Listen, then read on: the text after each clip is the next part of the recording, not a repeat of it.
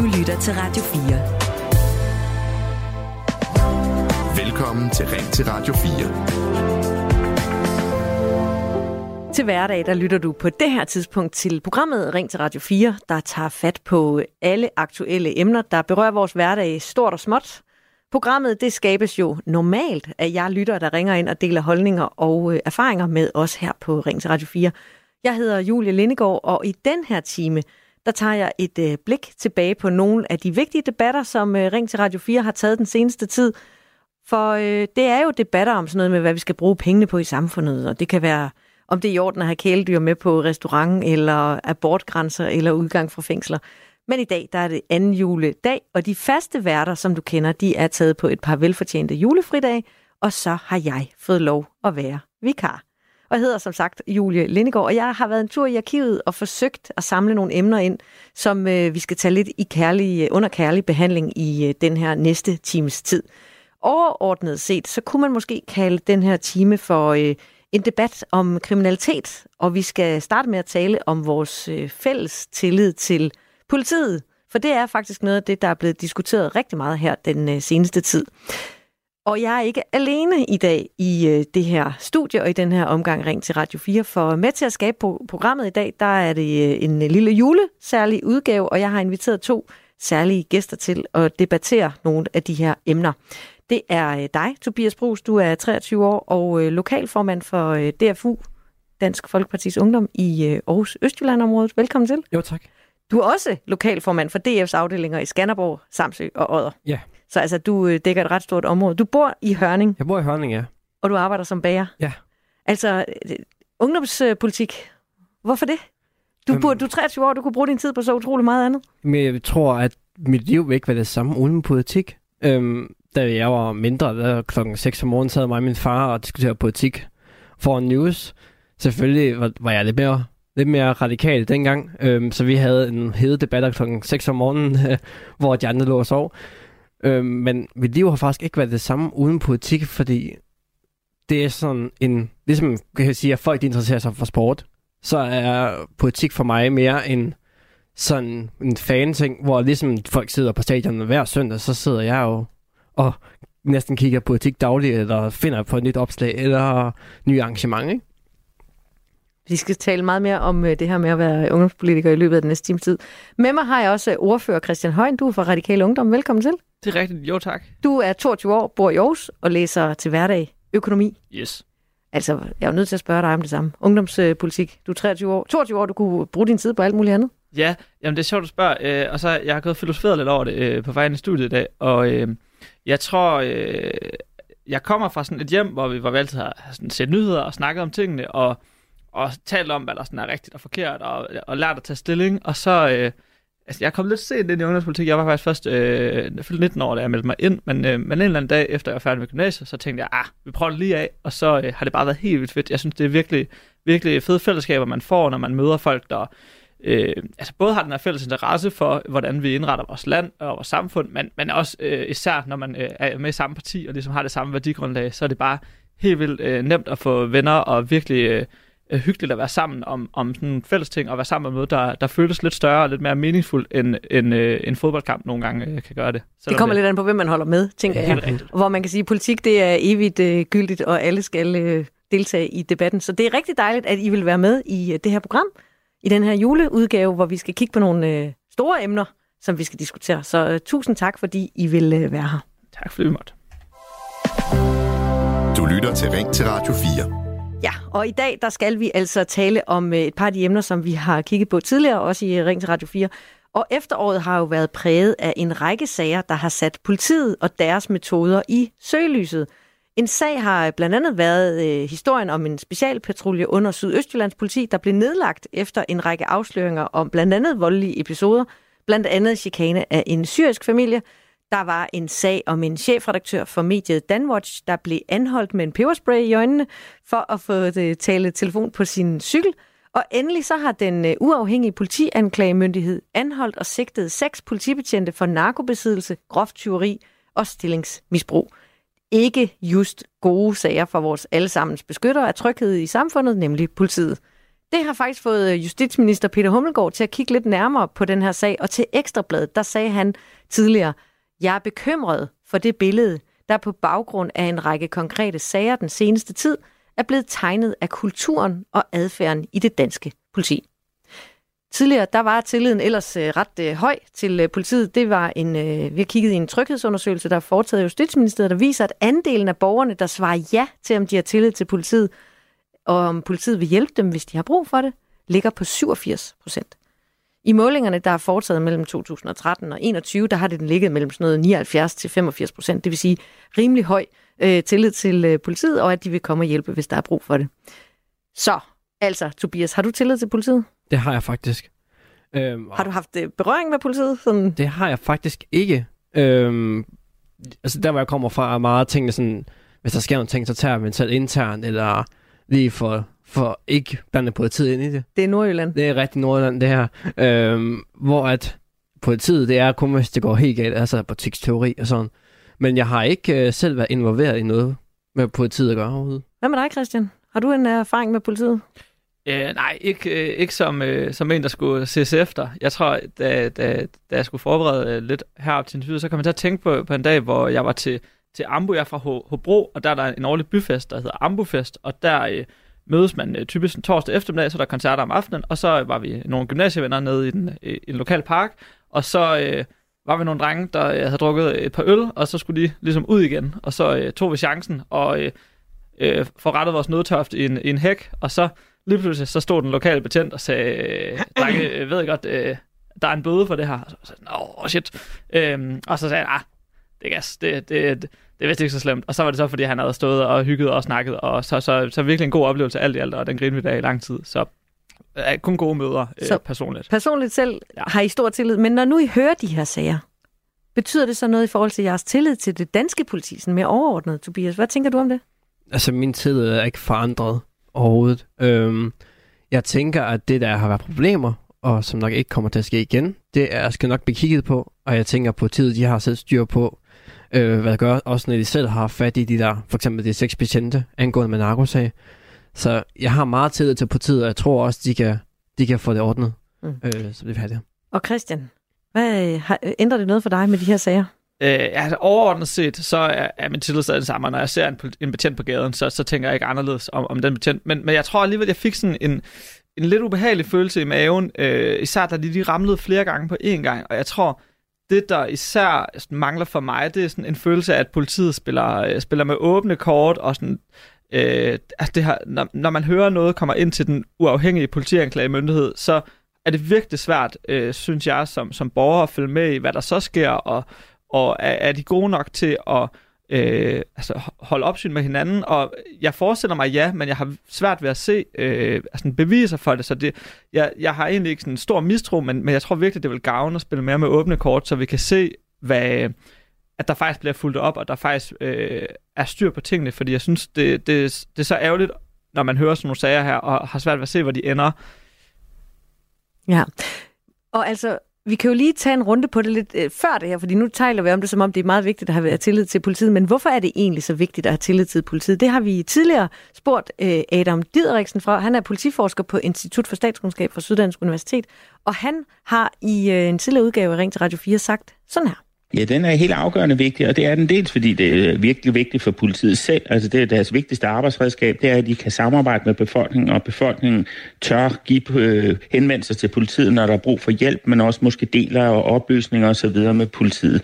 Så det er virkelig vigtigt for politiets man skal sige, muligheder for at løse sin opgave. Men det er også vigtigt for samfundet og for borgerne i bredere forstand, fordi altså, øh, politiet har sådan en helt særlig symbolsk rolle, som gør, at den ligesom bliver billedet på samfundsordenen som sådan, og på statsmagten som sådan. Og hvis man ikke har tillid til det, ja, så er det sådan et meget grundlæggende tillidstab til hele samfundsordenen, som ligesom breder sig.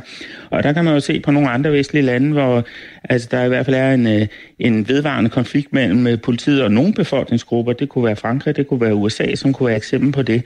Og øh, det er virkelig ikke noget, vi skal bevæge os i den retning i Danmark. Altså, så derfor så er tilliden mellem borger og politi virkelig en vigtig ting, som vi skal passe på. Ja, og det sagde altså Adam Didriksen i en uh, tidligere udgave i uh, Ring til Radio 4. I dag lytter du til uh, special juleudgaven her på anden juledag. Og vi har også uh, spurgt uh, Politiforbundets formand, Heino Kegel. Han, uh, han, han siger noget om her, hvad, uh, hvad det får politiet til at tænke med de her sager. Lyt lige med. Det er også klart, at når man igennem en periode ser sådan nogle hændelser, som mangler at blive undersøgt til bunds, så kalder det jo på, at man holder sig selv ud i strakt arm og kigger ind og siger, gør vi tingene på den rigtige måde? Er der noget, vi kan gøre anderledes? Har vi nogle udfordringer, som vi ikke håndterer i dagligdagen? Og det skal man gøre, og det skal man egentlig gøre hver dag, og ikke kun på baggrund af nogle isolerede hændelser. Altså, jeg kan jo godt forstå, at der er nogen, der tænker, hvad er det egentlig, der foregår? Øh, og jeg vil bare sige, langt hen ad vejen, så er det jo også, øh, det er jo kun set ud fra deres perspektiv, med de informationer, de har.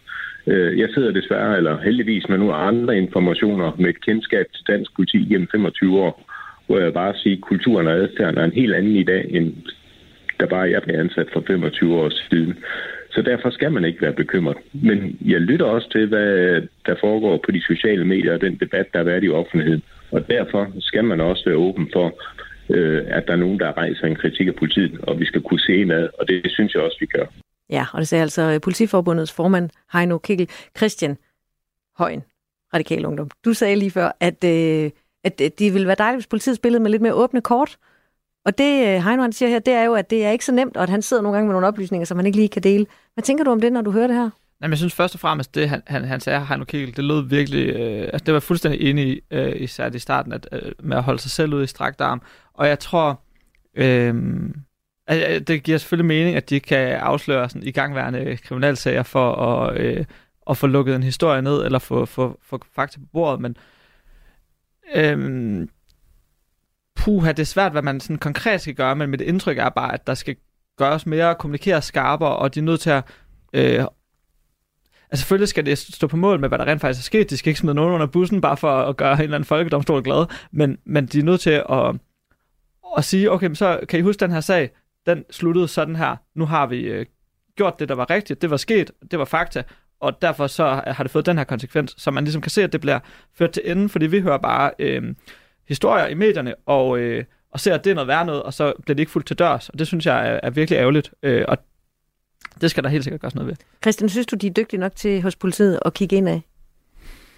Uh, det har svært ved at sige. Altså, jeg synes, øh, de er i hvert fald hurtige til at, til at dække hinanden og, og give øh, medier skylden. Øh, det synes jeg er en lidt ærgerlig øh, sådan tendens, der kom også, da, da Peter Hummelgaard var ude og kommentere på det, så var det meget, at det var, det var de der øh, øh, flabede DR-journalister, der tillod sig at lave en øh, kritisk dokumentar, og det synes jeg, man skal have meget på med. Øhm, men jeg har svært ved at sige det indsydigt, øh, om, om de er gode nok. Øh, det håber jeg, de er, vil jeg sige.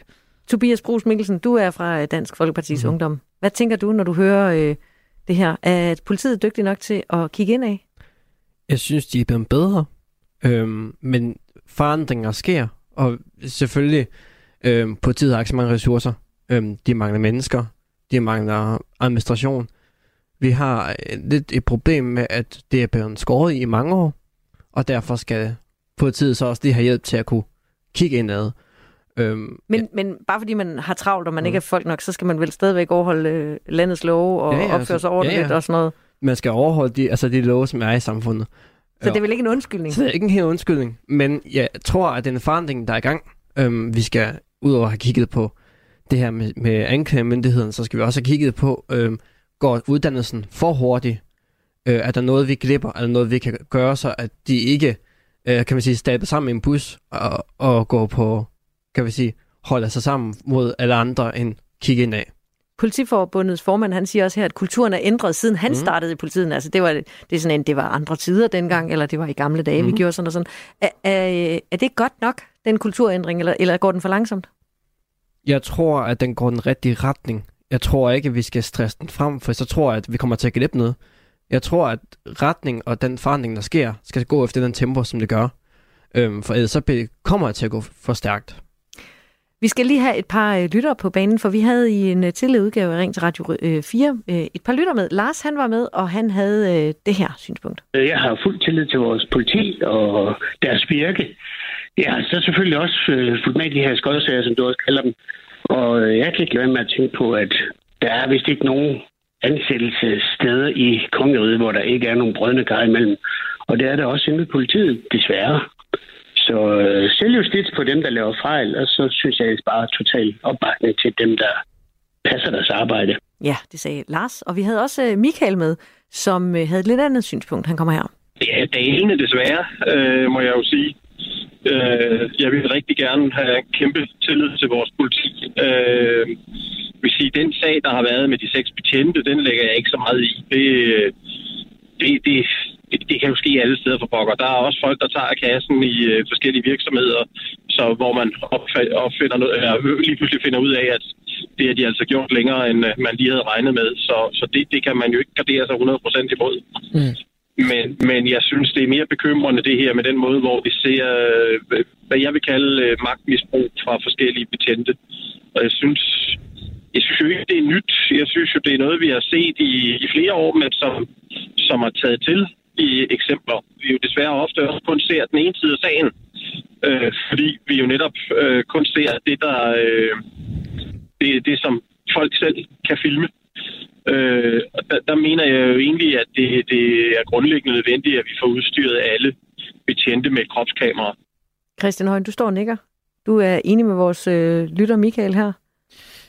I hvert fald til dels. Jeg synes, man kunne i hvert fald... Øh, der er i hvert fald noget hen, tror jeg, ved at, at, at give det skud med, med, med kropskamera, eller prøve at, at, at arbejde videre med ideen og se, øh, og få, få kortlagt, hvad der sådan er for og imod, og måske prøve det af en periode, fordi altså sådan som, som, som jeg ser det, så er kropskameraet, det er jo lige så meget for at kunne give øh, politiets side af historien, og det er også det, øh, som, som lytteren også sagde, som jeg savner i nogle af de her historier, at, at det er svært at komme med et, et troværdigt svar. Der florerede også nogle klip i løbet af, af årene fra øh, for eksempel fodboldkampe eller øh, almindelige øh, hvad hedder det, anmærkninger for larm, hvor der lige pludselig er eskaleret fuldstændig ud af proportioner. Og hvis man på en eller anden måde kan få systematiseret øh, politiets side af sagen, så kan man øh, måske også bedre beskytte de enkelte betjente, som øh, ikke gør noget forkert, i stedet for, at det, det går ud over alle, når man ser, altså det går ud over alle betjente, når man ser en betjent øh, gøre noget, vedkommende ikke skulle have gjort, fordi så, så er det den samlede tillid, der tager skade.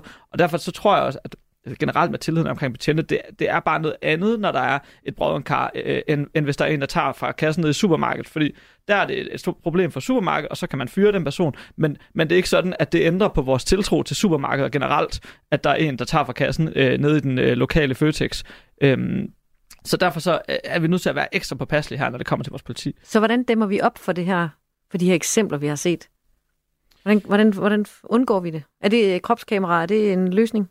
Jeg tror, det kan være en løsning, men, men jeg øh, altså, skal lægge kort helt på bordet og sige, at jeg overhovedet ikke er øh, ekspert ud i, i politiets virke, men jeg synes, man skal gå mere øh, proaktivt til det i hvert fald, og se, hvad, hvad er det for nogle ting, der går galt, og hvad, hvad, hvilke redskaber kan vi implementere nu, for at undgå, at det går galt i fremtiden. Ja, Tobias Brugs Mikkelsen, du foreslår, eller du nævner, at politiet har fået færre ressourcer. Det er ja. i hvert fald et presset politi. Lige præcis. Øh, så hvordan synes du, vi skal øh, formindske de her sager, eller undgå de her sager? Jeg synes for eksempel, det her kropskamera, det var en god løsning. Øhm, igen, flere ressourcer til politiet. Vi skal have, vi skal have forbedret vores... Hvordan, hvordan løser flere penge til politiet øh, problemet? Jamen, det er jo rent med administration og anklagemyndigheden, eller den, speci- den her uafhængige altså, anklagemyndighed. Så er det mere kontrol af politiet? Det er mere, at ja, vi skal have forandret... Altså, vi skal i hvert fald forbedre kontrollen for at være sikre på, at vi som borgere kan føle os trygge ved politiet. Jeg vil også have, at vi skulle mere kigge på, om de sager, der kommer ud, om den gavn, at det kommer ud i samfundet. Jeg ved godt, at man skal være åben, vi skal have åben omkring alt. Men hvad hjælper det, hvis vi ikke har vores tillid til politiet, hvis sagerne bare ruller ud en efter en efter en, og der kommer for eksempel en uge, hvor der er mange på en uge. Så jeg tror, at det er en gennemkig af hele systemet om, hvad vi kan forandre. Og så flere penge. Og så flere penge. Og flere penge til kontrol. Ja. Er du enig i det, Christian? Jeg er i hvert fald uenig i det sidste. Jeg synes ikke, man skal begynde at blande sig i, hvad medierne de siger om, om politiet. Der må politiet så... Men det tror jeg heller ikke var det, du sagde. Nej, det? det var de sager på tid, de kommer ud med. Okay, ja, okay. Så misforstår jeg dig. Ja. Beklager. Ja. Øhm... Men skal, er, det, er det en god idé med mere kontrol? Flere penge til mere kontrol? Og det er jo sjovt, fordi hver gang vi siger, at vi skal have mere kontrol i, i noget offentligt, så går der 10 år, så er nogen, der går til valg for at fjerne øh, øh, byråkratiet. øhm, men jeg tror, at... Øh, men nu er det jo jer, der er fremtidens ja, politikere, ikke? Lige om lidt, det er så... det, der, der, der er spændende. Jeg tror, at øh, vi skal i hvert fald have ha, der skal ske noget nyt, så altså, de her sager, de må bare ikke øh, ske. Og, og det er jo svært at vide, om der er et mørketal, sådan at, at de er sket, at bare ikke dokumenteret før. Øhm, så, så vi skal i hvert fald have politiet til at lægge nogle, nogle konkrete ting på bordet. For eksempel øh, kunne krop, kropskamera være en god idé. Og øh, så et andet fordel, hvis man gerne vil finde nogle penge til politiet, så kunne man jo for eksempel øh, stoppe med at have dem til at stå og lave trafikpropper nede ved grænsen i sommerferien, og, øh, og bare åbne grænsen mod Tyskland. Nu åbner du et øh, godt emne her fra vores øh, DF-ungdomspolitiker her. Øh, Er det ja. et sted at øh? Øhm, Skal bruge pengene til kontrol jeg vil sige, at internt? når vi snakker om, om kontrollen af grænsen, skal vi have moderniseret den. Vi har kigget på nogle specielle ting omkring, at kunne øh, for eksempel scanne nummerplader og nogle andre ting, så vi kan spare nogle hænder dernede. Men jeg tror ikke, at det er løsning at lukke øh, eller Jeg tror, måske grænsen. var det også lidt et drille. Var Ja, du det lige var lidt i gang der, Christian, med lige at Åh, lægge en det- lille en det- op til, øh, til Tobias?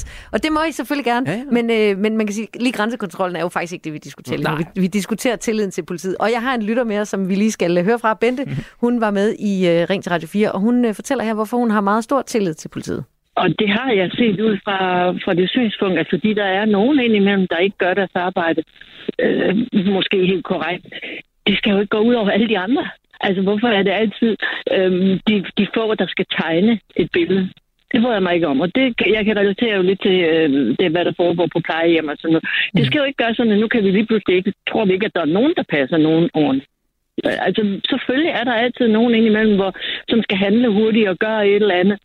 Og vi får heller aldrig den fulde historie. Men jeg synes, som en anden sagde, det var godt, der kom fokus på det. Fordi så kan man få ryddet op i regne rækker og finde ud af, er der noget i vores procedurer, er der noget, vi skal tage os af. Men som udgangspunkt har jeg fuld tillid til politiet. Hvad siger du til det, Tobias? Jamen, jeg kan give fuld enighed til Men har politiet ikke et særligt ansvar for at være endnu bedre Jo. end alle os andre? Men selvfølgelig, øh, igen, alle mennesker er heller ikke perfekte, kan vi jo også sige, ikke? Men har de ikke et særligt ansvar? Men jo, de har et særligt ansvar. Vi andre skal bare opføre os ordentligt og være inden for Ja, lovens ja. rammer og sådan noget, men, men har politiet ikke sådan et Jo, særligt, særligt De har ansvar? virkelig et særligt ansvar. Ja. Og jeg ser på den måde, at politiet skal være tillid til. Øhm, men jo, de har jo et, selvfølgelig er det lidt højere i forhold til os, hvad vi skal, vi kan godt lide, skal sagt, komme til at gøre en lille ting, hvor de så skal være, øh, være påpasselige. Men jeg tænker også, at det kan ske, altså, undskyld sagt, øh, det kan så, ske, at så du bærer over med det? Ja, øh, ja, fordi at tilliden til mig er stadigvæk til politiet, at det er, som hun siger der, at ja, altså der er jo på enkelte brudende kar, men jeg har stadig tillid til, at de kommer, hvis jeg har et røveri i huset, at de er der og, og får sørget for, at det er i orden. Hvad tænker du, Christian?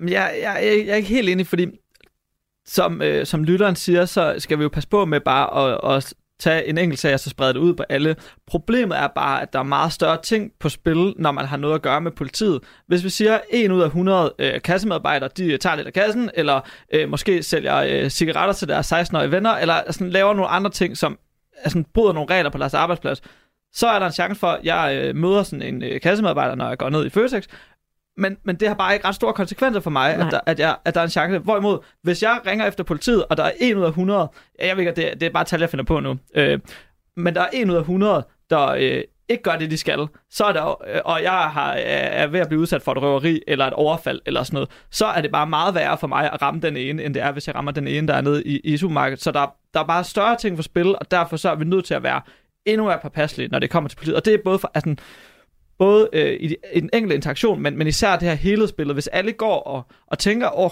nu skal jeg ringe til politiet, der er en chance for, at jeg får en i røret, der, der ikke gider hjælpe mig, eller der, der kommer til at hjælpe mig på en, en måde, der gør det helt værre for mig. Det, det duer bare ikke, hvis man har den tilgang til, til, til politiet. Og det, det, det siger jeg ikke at der, hvor vi er, men der må vi aldrig komme hen. Men har politiet, altså hvis man er politi, politibetjent, har man så et særligt, særligt ansvar, som øh, jeg har prøvet at få Tobias til at synes, at det, øh, eller i hvert fald udfordret dig lidt Ja. på, Tobias. Har politiet øh, særligt, særligt ansvar? Vi andre skal holde os inden for loven, men skal de være... Ja, det mener jeg. Især, især når man har øh, øh, uniformen på og kører i politibil. Altså, der var nogle dumme sager på, på Twitter øh, eller X, eller, øh, hvor, hvor der var en, en politimand, øh, der havde parkeret ulovligt. Og det er sådan noget, det bliver selvfølgelig blæst ud af proportion, men det er sådan en ting, der bare, det, sk- det skader retsfølelsen ved os alle sammen, og skader, og det er sådan nogle små ting. Øh, og det, det skal ikke, øh, altså, Så der, det er der de faktisk særligt ret, ansvar. det er faktisk ret enige om. Jo, men man kan jo så sige, når vi snakker politi, og, og for eksempel hvis de bryder loven og, og højere end andre, ikke? Så er det samme med folketingspolitikere, som hun nævner også med, med socioassistenter. Mm. Hvis nu for eksempel, at hun kommer til at en parkeringsbøde, eller øh, kan vi sige, at der er Else-sagen, der har været. Mm. Øhm, igen, som hun nævner, en sag eller to, det burde ikke det, der skal vælte af vores tillid til folk. Men øh, I er i hvert fald enige om, at man har et særligt ansvar, hvis man Mhm. er ansat hos politiet, og at man skal øh, holde godt øje med, hvad det er, de øh, laver. Ring til Radio 4 er tilbage lige om en, øh, et øjeblik. Vi skal lige have en omgang øh, nyheder, og øh, Tobias Brugs Mikkelsen og Christian Højen er stadigvæk med mig, når vi er tilbage om et øjeblik. Nu er der nyheder her på Radio 4. Du lytter til Ring til Radio 4. Glædelig anden juledag. Det her er Ring til Radio 4, programmet, der tager fat på øh, aktuelle emner, der berører vores hverdag og vores liv, og som jo øh, normalt på hverdag skabes af jer lyttere. Vi debatterer alt muligt. Det øh, kan være vigtigt, at det er store emner, det kan være vigtigt, at det er små emner, det kan være alt fra skat og topløse gæster i svømmehallen, det kan være hunde på restauranter, eller ja, tilliden til politiet, som vi lige var omkring i den øh, foregående halve time. I dag der er det jo som sagt anden juledag, og derfor får du den her særlige helligdagsudgave, en øh, ring til Radio 4 julespecial. Jeg hedder Julie Lindegård, og jeg har i anledning af helligdagen været i arkivet og fundet nogle emner, der stadig er aktuelle. Og så øh, vender jeg dem med mine to ungdomspolitikere, gæster her i studiet, nemlig Tobias Brugs Mikkelsen, som er øh, lokalformand for DF øh, Ungdom Aarhus Østjylland, og lokalformand for DF's afdelinger i Skanderborg, Samsø og Odder. Du er Ja. her endnu. Jeg er her nu, ja. Det er så godt. Og så har jeg også øh, ordfører Christian Højen, du er med fra Radikal Ungdom. Simpelthen. Yes, det er jo bare dejligt, at I vil være her og diskutere de her vigtige emner. Men inden vi lige helt kaster os over emnerne, så kunne jeg godt tænke mig at høre, uh, Tobias, hvis du nu selv uh, frit kunne vælge, hvordan uh, det skal gå dig og din politiske karriere, hvor, uh, hvor er du så på vej hen? Lige nu er du ungdomspolitiker. Så vil jeg, så vil jeg nok efter valget i 25 sidde i byrådet i Skanderborg. Ja, øhm, Du stiller op som lokalpolitiker ja. Nede i Skanderborg. Man Ja, kan stemme på præcis. dig, hvis man bor i Skanderborg Kommune. Nemlig. Så det er... Hvorfor vil du ind i lokalpolitik? For mig er lokalpolitik det vigtigste, faktisk. Øhm, ren og skær, det er den nære, det nære område. Det der, man kan ændre noget i forhold til skoler og plejehjem.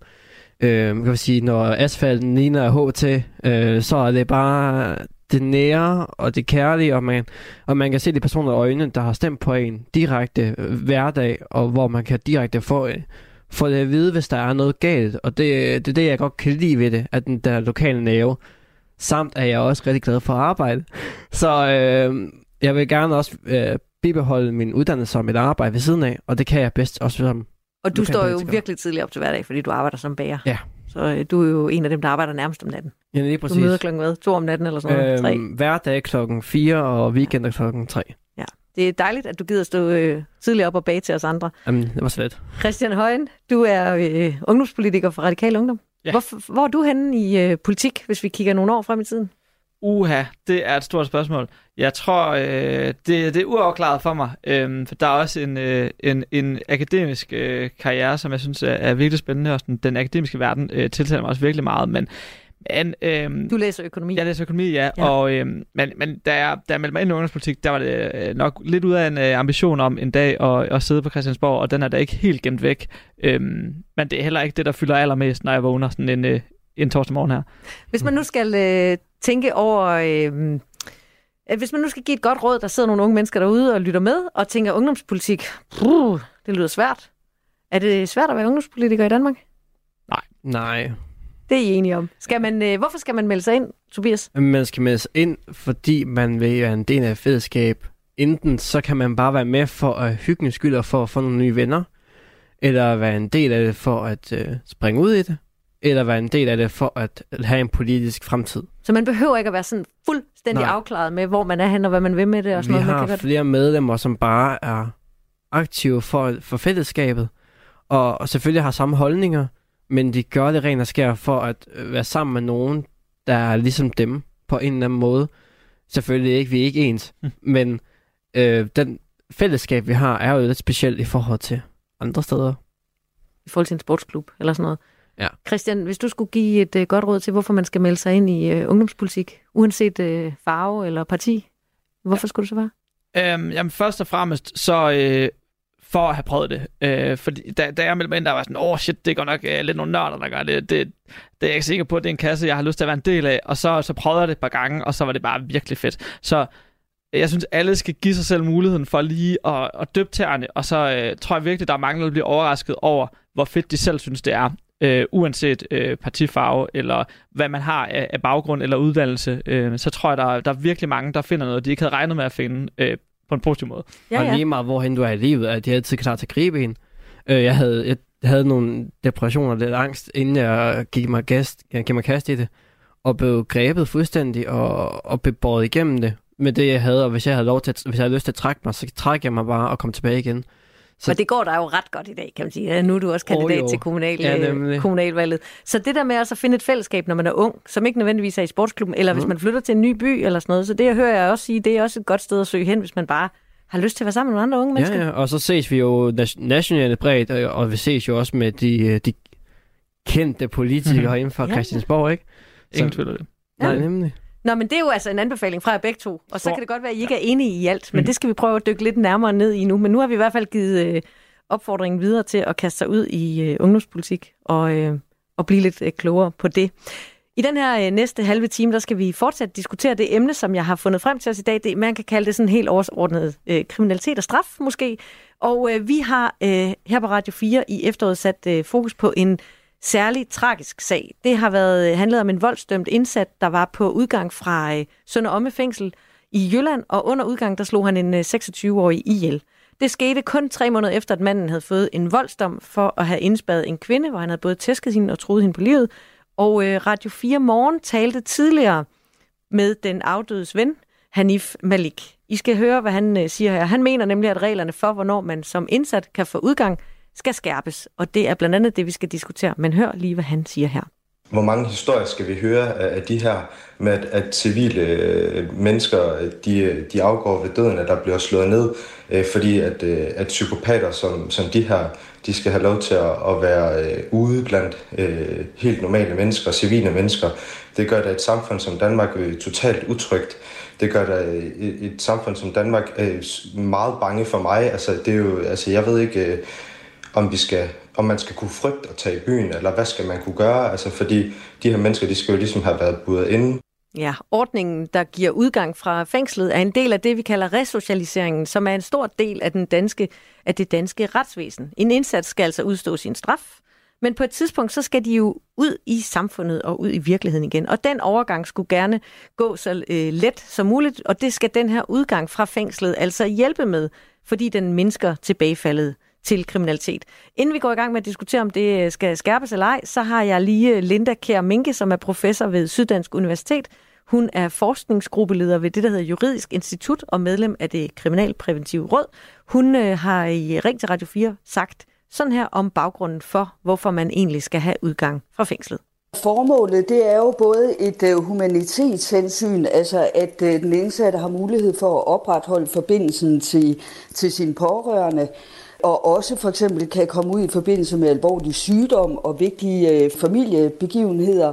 Og så er det jo et resocialiseringshensyn, hvor der gives øh, udgang til undervisning, beskæftigelse og behandling. Så der er sådan forskellige hensyn, som udgang ligesom varetager.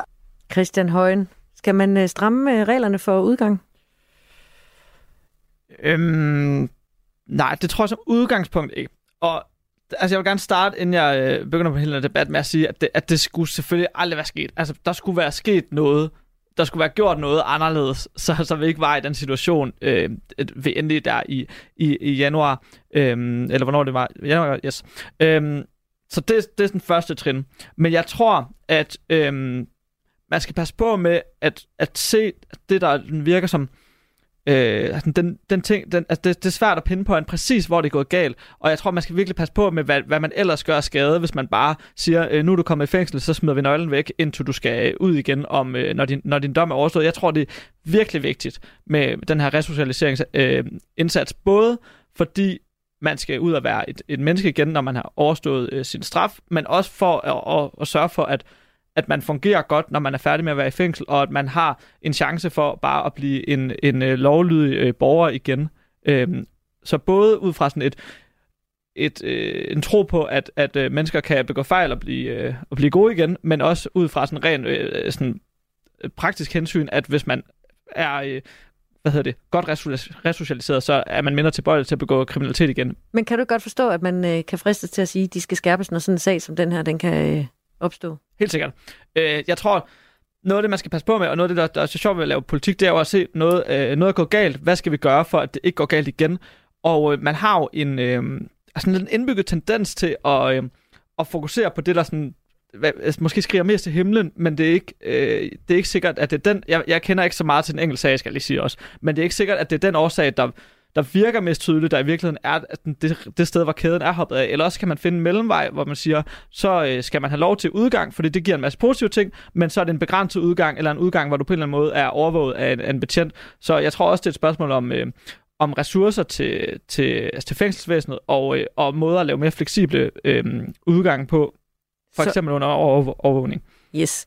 Tobias, inden jeg hører, hvad du siger, så skal vi lige høre, øh, for vi havde øh, nemlig også Dansk Folkepartis retsordfører Peter Kofod mm. med i en tidligere udgave af Ring til Radio 4, hvor vi diskuterede det her, og han synes faktisk, det skal være sværere at komme på udgang. Hør lige, hvad han siger.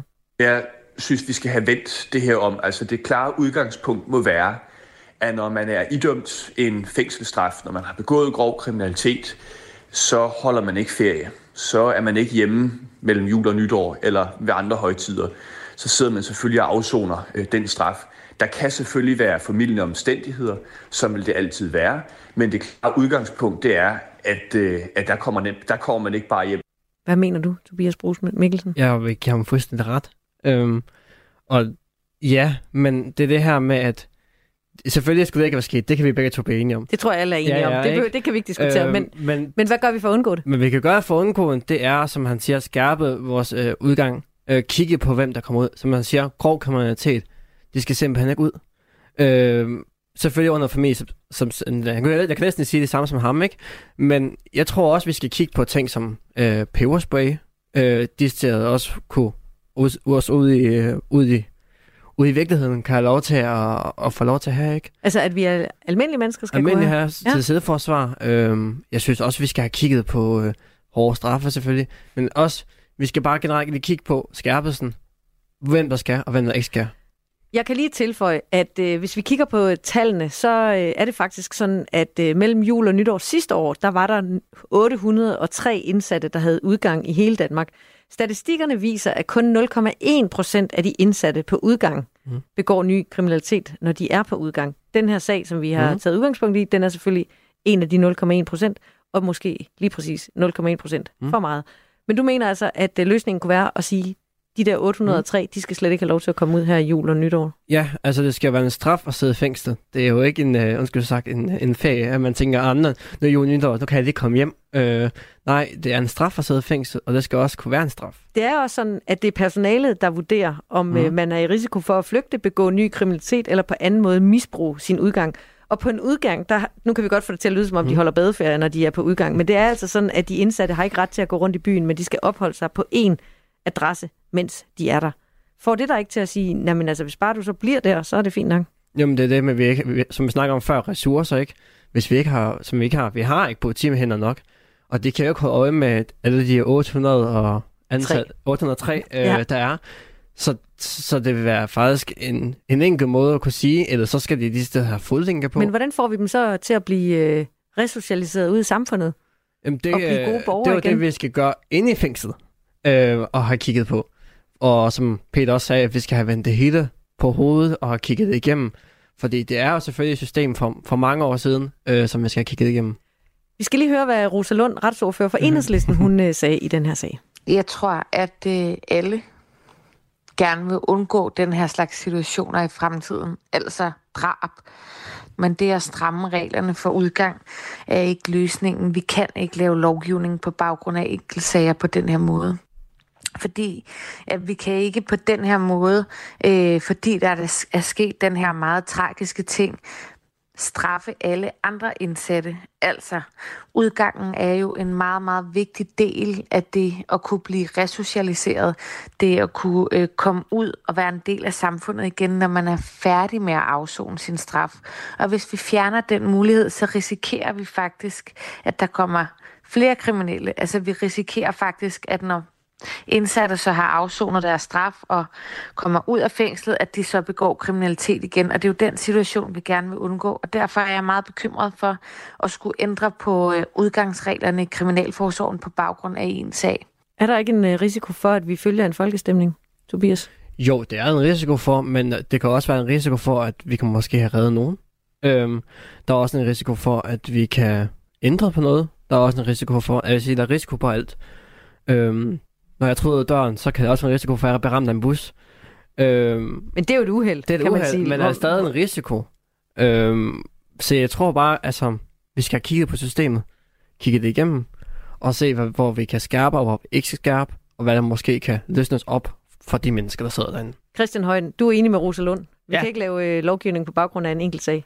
Nej, det duer ikke. Øhm, og altså, hvis man hørte den statistik, du lige sagde, så lavede jeg lige lidt hurtig hovedregning. Det, Du læser økonomi. med, Ja. med forbehold, for det går galt. Men 0,1 procent, det vil jo svare til 1 ud af de 803, og så har man også rundet lidt op. Så øh, det, Men er vi, det ikke en for meget? jo, det er helt sikkert en for meget. Men det vi risikerer ved at sige, at ingen af dem må komme ud, det er 803 mennesker, der er en lille smule mere bitre og en lille smule, øh, føler sig en lille smule mere afkoblet og en lille smule dårligere del af vores samfund, når de kommer ud på den anden side, har afsonet deres straf, som de retmæssigt skulle have for at have begået kriminalitet, men når de er færdige og har afsonet deres straf, så skal vi altså se på dem som, som, som mennesker, der skal fungere og skal have lov til at leve de liv, de gerne vil inden for lovens rammer. Og det, og, og det der også mangler i statistikken, og det øh, er, er jo desværre noget, man ikke kan få statistik på, det er alle de drab, der ikke sker, fordi vi gør så god en indsats for at sørge for, at dem, der er indsat i vores fængsler, de fungerer igen så godt som muligt, når de kommer ud. Og så er det, øh, jeg tror simpelthen, det er øh, et, et når, når, når Peter Kofod siger, at, øh, at udgangspunktet er, at man, skal, øh, at man ikke skal være i fængsel, når man er i fængsel. Selvfølgelig er det ikke udgangspunktet, at, at, at når man er i fængsel, så er man i fængsel. Og så bruger vi udgangen, både for at, øh, at sige, at dem, der er i fængsel, de er også mennesker, der også skal have et liv på den anden side, men også for at, at kunne belønne øh, for eksempel god opførsel inden i fængsel. Øh, du, du talte om, at det er op til en vurdering for, de, for fængselspersonalet. Hvis man nu har øh, Øh, gået og øh, tæsket på sine medindsatte, eller har modarbejdet de indsatte, eller hvad hedder det, personale, så skal man selvfølgelig ikke øh, ud. Og der, der tror jeg også på, at især hvis vi bruger flere ressourcer på, på, på fængsler, det synes jeg helt sikkert også, vi skal, at vi kan få, øhm, få lavet nogle bedre vurderinger af, hvem der skal øh, have lov til at komme ud, men det er bare så godt et redskab, og det vil være, det er så ærgerligt at føre politik på baggrund af, af noget, der sker med meget lille sandsynlighed. Vi forbyder jo heller ikke busser, fordi der er en meget lille sandsynlighed for, at du kan blive ramt af en bus om morgenen. Fordi så opvejer man, at der er en sandsynlighed for, at det kan gå galt, men en endnu større sandsynlighed for, at det går godt, og så vælger man øh, den gode og siger, øh, så, så, så tager vi chancen og gør alt, hvad vi kan for at undgå, øh, at det går galt. Det er derfor, at lyskryds for eksempel findes. Hvad siger du til det, Tobias? Jamen, jeg sidder bare og tænker, hvad, når der sker igen, og det kommer nok til at ske igen, øhm, hvad siger vi så til det pårørende? Siger vi så, "Men det er fordi, at der var en før, der havde gjort det, men der var også en en gang før, der havde gjort noget lignende, og der var en, faktisk en anden, der havde gjort noget kriminalitet. Så skal vi ikke gøre noget, men vi skal bare kigge på og vente. Men det skal ikke være en straf, at de sidder i fængsel. Men det er en straf, at de skal sidde i fængsel. Så du tænker på den 0,1 procent, hvor Jeg det går tænker- galt? Ja. Ja. Og, men det kan godt være, at det er bare en, en enkelt tilfælde. Men når, når for eksempel der sker noget andet sted... Men du steder- tænker ikke på de 802 andre, som faktisk er på vej ud i samfundet og har god kontakt med deres familie? Og... Men der tænker jeg mere på, at det skal stadig være en, altså, igen, jeg siger, jeg, jeg siger det mange gange, men en straf at sidde i fængslet. Og så må de besøge dem på et andet tidspunkt. Når de, altså, det er jo også en måde, at de kan finde ud af, hey, det her var ikke godt, det jeg gjorde. Derfor har jeg ikke jul og nytår ude sammen med dem, men jeg har hjemme i fængslet. Tobias Brugs Mikkelsen og Christian Højen. I er ikke enige om det her, men I er enige om, at det vil være godt, hvis jeg får kigget på systemet, Mm. og i det hele taget få det kigget godt igennem. Du lytter til Ring til Radio 4. Jeg har et øh, emne mere, som måske er et øh, lidt anderledes emne. Måske ikke et emne, du selv lige vil bringe på banen alle steder, og måske heller ikke her øh, anden juledag rundt om øh, julefrokostbordet, men vi skal altså til at tale om et emne nu, som øh, måske kan være lidt prekært. Vi skal tale om børnesex-dukker. Det er, altså måske er det slet ikke så dum en idé, det her, for måske kan de faktisk være med til at holde nogle pædofile fra at handle på deres lyster. Men det er ulovligt i Danmark at være besiddelse af netop børnesexdukker. Det har været forbudt siden 2022. En lovgivning, som startede med et forslag stillet af Dansk Folkeparti. Og i forbindelse med første behandlingen af forslaget i 2020, der udtalte den daværende retsordfører for partiet, Peter Skåb, sådan her. Uanset om vi forbyder børnesexdukker eller hvad vi gør, så er der nogen, der er så langt ude i deres sygelige trang til at have sex med børn, at der er brug for, at nogen gør noget, og det skal jo så være samfundet. Men er det så den rigtige løsning at forbyde børnesexdukker? Altså helt kort, Christian, bare kort, ja eller nej, er det den rigtige løsning? Nej. Tobias? Stadig ja. I får øh, lov at uddybe det lige om et øjeblik, fordi øh, der er faktisk også en øh, psykolog og lektor ved Aarhus Universitet, hun hedder Karen Munk. Hun mener, at dukkerne kan være en god behandling, fordi dukkerne ikke er virkelige, men stadigvæk er materielle. Det kan I øh, høre i det her klip, som øh, hun øh, var med i en tidligere udgave af Ring til Radio 4. Vi har at gøre med et problem, man ikke kan straffe sig ud af. Det øh, bør handle om øh, forebyggelse af seksuelle overgreb på børn, og ikke øh, om, hvorvidt man synes, at børnesexdukker og pædofile er, er klamme. Det her med sexdukker, det er, det er forholdsvis øh, ny ting. Øh, ellers så har det jo været billeder, øh, man har diskuteret, om det kan erstatte børn.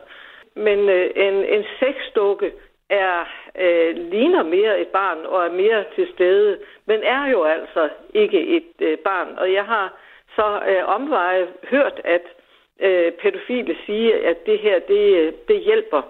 Hvem går det ud over, hvis øh, en pædofil har en, en, øh, en børneseksdukke i sit hjem? Går det ud over nogen? Nej, det gør det ikke. Jo mere vi fordømmer, stigmatiserer og straffer, jo sværere bliver det at få de pædofile frem i lyset, så vi kan hjælpe dem med at øh, undgå børn. Det er altså en øh, psykolog og lektor for øh, Aarhus Universitet, der siger det her, Karen Munk. Tobias, du fastholder, at det skal man ikke have lov til. Ja. Hvorfor? Øhm, jeg tror, og det vil jeg stadig mene, jeg vil mene, at jeg er bange for, at det stadig vil kunne ske, hvis jeg skulle give dem, give dem lov til de der seks stykker. Så er det fordi, jeg kan se, at det forebygger fuldstændig, og at vi ikke ser muligheden for, at det sker. Som vi snakker om før, om det er 0,1 procent i fængslerne. Så her der er jeg bange for, at vi ender ud i, at børn kommer virkelig livsfarligt til skade, både psykisk. Øhm, som Fordi vi... du tror, at hvis man får lov til at få en børnesexdukke Mhm. og mundre sig med, Ja. ja. så vil man også overføre det. Så man tager det skridtet videre. Så man det vil være med videre. til at opildne til, at man ikke bare jeg stopper ved der. godt, det er en, måske en, en syg sammenligning, men i forhold til stoffer, øhm, hvor man nogen vil starte et, et sted, og så gå gradvis videre, videre, videre. Og sådan ser jeg også først billeder, sådan en sexdukke, og så når har man prøvet det skridt, så tager man lige barnet bagefter. Øh, Og det, det er jeg bange for personligt, at det skulle ende ud for, hvis jeg selv fik børn, at det vil ske. Så jeg vil faktisk hellere have, at de taler med nogle mennesker, der har styr på det, nogle psykologer, og vi kan få under et system, så vi er sikre på, at det ikke kommer til at ske. Men hvad så, når de, øh, de her psykologer ligefrem siger, at det kan være med til at hjælpe dem? Jeg vil faktisk gerne stadig se en revidens på, at det, det har hjulpet. Og da jeg ikke kan se det, så er jeg nødt til at være, undskyld, den lille barnepige, der siger, fy fy. Det må man ikke. Det må man ikke. Christian Højen, hvad, hvad tænker du om det her? Jamen, jeg tror simpelthen, Tobias og jeg, vi har en grundlæggende øh, modsat tilgang til, hvad, man, hvad, hvad der skal være lovligt og ikke skal være lovligt. Ja, vi kan godt blive enige om, at nogle ting skal være ulovlige, hvis de gør skade, men jeg synes ikke, at man skal bevise, at noget ikke gør skade, før at man gerne må. Altså, jeg skal heller ikke... Øh, øh, jeg har en kammerat, der godt kan lide at putte øh, flødeskum på sin Nutella-mad. Han skal ikke øh, lave et videnskabeligt studie, der beviser, at det ikke gør skade på nogen, før han får lov til det. Det, altså, jeg, det skal være det helt klart. Jeg kan godt gå med til, hvis man, hvis man øh, finder ud af, at, at det er, som du siger. Jeg tror ikke på, at det er, som du siger. Men hvis man nu finder ud af, øh, det viser sig, at... Øh, at mennesker, der har fået en øh, børnesexdukke, at det vi taler om her, det har jo også været som en del af en, en behandling hos en psykolog, altså vi er ude i det er, er receptpligtigt. Hvis det så viser sig, at de mennesker går videre, og der er en større sandsynlighed for, at de øh, udfører pædofili, så, så kan vi begynde at tale om det, men at forbyde noget, øh, fordi man kræver beviser for, at det skal virke, det synes jeg er en super omvendt måde at tænke tingene på. Og jeg tror, vi begge to kan blive enige om, at vi skal gøre, øh, altså jeg lige vil sige alt, hvad der står i vores magt for at sørge for, at pædofili ikke sker, men men jeg tror mere på, at hvis der er en sandsynlighed for, at det virker, så skal vi give det en chance. Problemet er også bare, at, og I kan måske høre det, øh, øh når, når jeg sidder i bilerne eller i stuerne, at, at hvis man siger, øh, Nå, hvad, hvad laver du? Og står til familiefrokosten, jeg forsker i pædofili, så vil det, at det, det, det er bare svært, fordi det er så tabubelagt et emne. Det er enormt svært at gøre en forskerkarriere ud af at, at, at skulle forske i pædofili. Så, så alt, hvad vi kan gøre for at, at tale mere om det, og, øh, og give bedre behandlingsmuligheder, og, og ikke bare straffe alle, der, der giver os en, øh, ondt i maven. Og det giver også mig ondt i maven at tænke på børnesexdukker.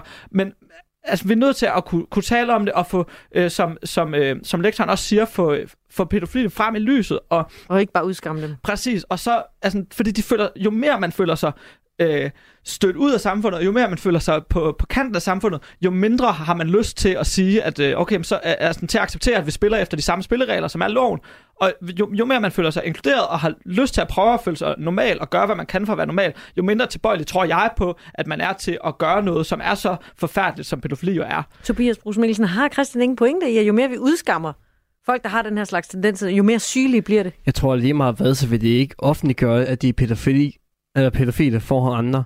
Om det vil jeg sige, det er næsten det samme som at sige, hvad sidder i fængsel for øh, voldtægt. Det vil jeg så heller ikke sige, vel?